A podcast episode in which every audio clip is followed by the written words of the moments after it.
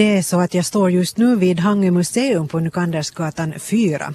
Och här alldeles intill mig så finns en fjärilsträdgård, eller som man också kan säga en fjärilsbar. En bar för fjärilar. Här finns ju många barer alldeles här i närheten i östra hamnen. Så varför inte en bar också åt fjärilar? Dessutom har vi olika sorters, eh, vad ska vi säga, byggnader för olika insekter och djur som vi också ska prata om här, de är gjorda i trä och det är meningen att de ska kunna bo där. Orsaken till att vi är här är det att eh, Hangö miljöförening har vårmöte ikväll och man vill uppmärksamma det här med insekter. Att man, man anser att de har minskat så pass mycket nu att nu måste vi göra någonting. Så det här föreningens tema för i år är respektera busken. Jag har Astrid Lindström ordförande för Hangö miljöförening med här tillsammans med Eija Oranen Hilko. Astrid Lindström, är det så att eh, vi på något sätt nu måste börja kolla de här växterna eller insekterna, att de har problem? Absolut, jo. Det kom larmrapporter från Tyskland förra hösten att 70 procent av mängden insekter, alltså inte olika arter, utan överhuvudtaget mängden har minskat. Det märker man ju också i Finland om man kör bil att man behöver inte putsa vindrutan mera. Och det är inte så många insekter heller runt de här gatlyktorna som förr. Så du tycker att du rent konkret märker det också alltså här i Hangö att äh, insekterna har minskat? Nu märks det väl överallt just kanske främst det där bilkörande. Att, och det tänker ni göra någonting åt nu. Och jag ska också tillägga här att om ni hör att det skramlar så då är det Satamaruokala som man håller på att riva alldeles här i närheten av Hangö museum. Det är det som skramlar och bankar lite emellanåt. Nå, men vad, vad, vad, kommer man nu att göra alltså då från Hangö miljöförenings sida eller uppmärksamma för att få tillbaka de här insekterna? Vi har då som tema det här och respektera buskarna. Vi började med att ha tallen som tema för några år sedan och så hade vi Tekton-projektet och nu har vi det här att respektera buskarna. Och det gäller ju också andra djur. Det gäller igelkottar och allt möjligt smuts som man kan hitta i trädgården, fåglar och Alltså hur menar man då att, att man ska göra för att liksom få tillbaka de här insekterna? Man ska inte ha det så himla städigt hemma eller, eller vad, vad är det frågan om? Ja precis, man ska gärna lämna någon vrå i trädgården mera ovårdad så att de kan ha skydd där och man behöver inte vara så snabb med att plocka bort vissa delar och, och man, man, kan också bygga de här skydden för, för de här djuren. Är det så att man i Hangö har det för städigt i sina trädgårdar just nu? Nej, kanske i Hangö överallt också. Det är inte bara utmärkande för Hangö det här utan det är nu våran del av det hela. Att insekterna har minskat överallt så att överhuvudtaget tycker jag folk om väldigt städade trädgårdar med klippta gräsmattor, gröncement så kallad. Det är väl sånt som man kanske tycker om att ha, att det ser sådär minutiöst fint ut istället för att det är lite skräpigt i någon vrå där någon insekt trivs. Det tycks vara så, jo. Mm. Men om man inte har insekter i sin trädgård, vad, vad är det nu att bry sig om kan man ju tänka sig? Ja, det är det vi inte vet med att om 70 procent, alltså en så ohyggligt stor del av insekterna är försvunna, att vi vet ju inte vilka effekter det har. Men det vet vi att pollinerare saknas ju i många håll i världen och här också att man måste konstpollinera då fruktträd och sånt här för att överhuvudtaget få någon frukt. No, man kan då som sagt göra en hel del för att få tillbaka de här växterna och eh, jag vet att Eija Oranen Hilko har byggt nämligen en, ett insekthotell.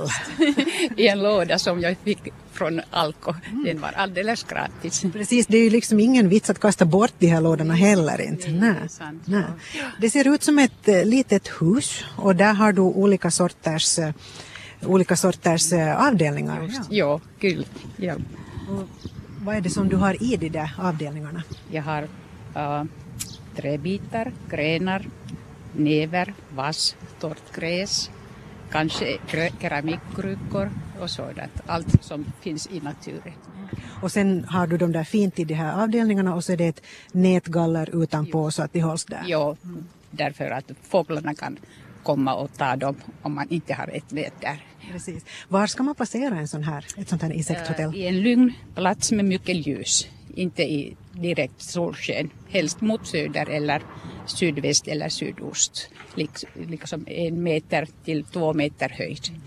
Precis, har du provat på det här förut så du vet om det fungerar? Nej, det, det ska vara en, en present för en väninna men jag ska göra en, ett annat hotell på kvällen. Det. Så, att, så, att, ja. så att det flera insekter får någonstans att bo. Ja, så är det. Har du märkt att, att det, här, det har minskat det antalet insekter? Jo, vi har haft ganska kyliga um, somrar nu för tiden och jag har märkt det, ja, ja, ja, det märks ju. Ja. Förutom då Eija Oranen Hilkos eh, insekthotell här så har vi också då ett fladdermushotell kan man kanske kalla det för som man ska då sätta upp i ett träd. Det ser ut som en postlåda faktiskt, ganska smal, visserligen så någon, någon större eh, saker skulle man inte få det i om det var en postlåda men en fladdermöss ryms riktigt bra. Och så finns det också då ett igelkottbo, en fyrkantig låda där igelkottarna kan krypa in och gömma sig. Men nu ska vi ta er alla, alla hit, Astrid Lindström, Eija Oranen Hilko och också stadens Hangestads parkförman Merja Rönkö och trädgårdsmästare Helena Boström Mäkelä från parkavdelningen till den här eh, trädgårdsbaren som har några år på nacken redan. Ja, den är ungefär fem år gammal skulle jag säga.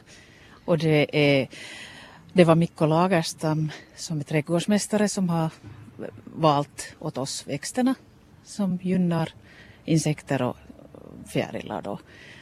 Och så är det Janina Sandholm som var vad heter det, på läroavtal hos oss och skulle bli trädgårdsmästare så det är hennes slutarbete det här. Och den här eh, Fjärilsbaren, Fjärilsträdgården finns då alldeles intill längs med väggen på Hangö museum. Och här är en grusgång med stenkanter och så är här olika växter och dessutom några sådana här fjärils eh, fjärilar i, i järn kan man säga. Eh, men hur bra fungerar den här Merja Rönke?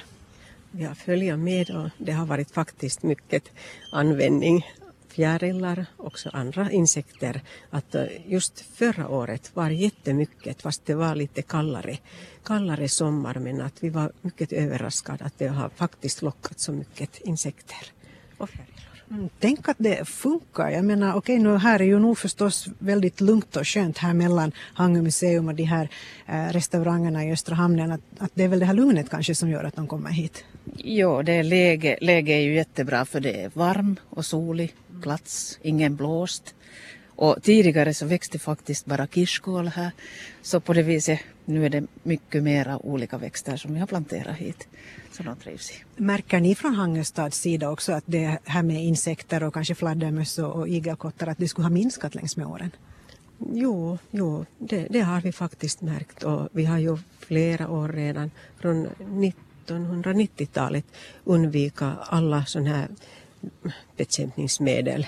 Att just därför att vi har försökt liksom alltid ta sådana ekologiska variationer.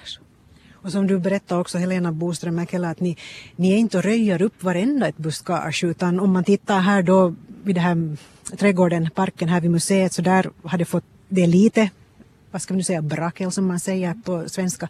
Och sen här utanför så lämnar man också en sån här dunge att det får helt enkelt vara. Ja, för att det är ju viktigt för alla djur fåglar. Alla djur behöver nog sin plats i trädgården. Man kan ju ha det jättestädigt vissa områden men sen kan man lämna utkanten lite mindre städigt så att säga, men vackert. Har ni märkt att eh, antalet insekter och andra djur skulle ha ökat i och med det här? Mm. No, vi hoppas att vi hjälper till i alla fall. Att det, åtminstone här vid, trädg- vid den här fjärilsträdgården så ser man faktiskt på hösten att det är mycket liv här. Merja Rönke säger att jo, du har märkt. Jo, no, no, vi har försökt också spara ängar ganska mycket. Vi har flera, flera olika ängar som vi sköter sen att, och det, det gör sitt. Men att eh, kanske, kanske just om vi försöker sen lite, lite också öka mängden av de här eh, specie, speciella sorter som, som, som de tycker om. Så här avslutningsvis Astrid Lindström från Hangö miljöförening. Vad kan liksom den vanliga Hangöbon med en trädgård göra? Om man har en trädgård så kan man lämna buskar där och något snår som är ostädat och särskilt om man har igelkottar i trakten för att är lite fråga runt och det finns faktiskt inte många igelkottar mera. Att också fundera på det här med att man kan ha en del av trädgården till naturen och ha odlingsblommor där istället för bara den här gröna gräsmattan. Så ser man här i Hangö där man försöker få tillbaka flera insekter och andra smådjur. Det här gäller ju då som sagt inte enbart Hangö.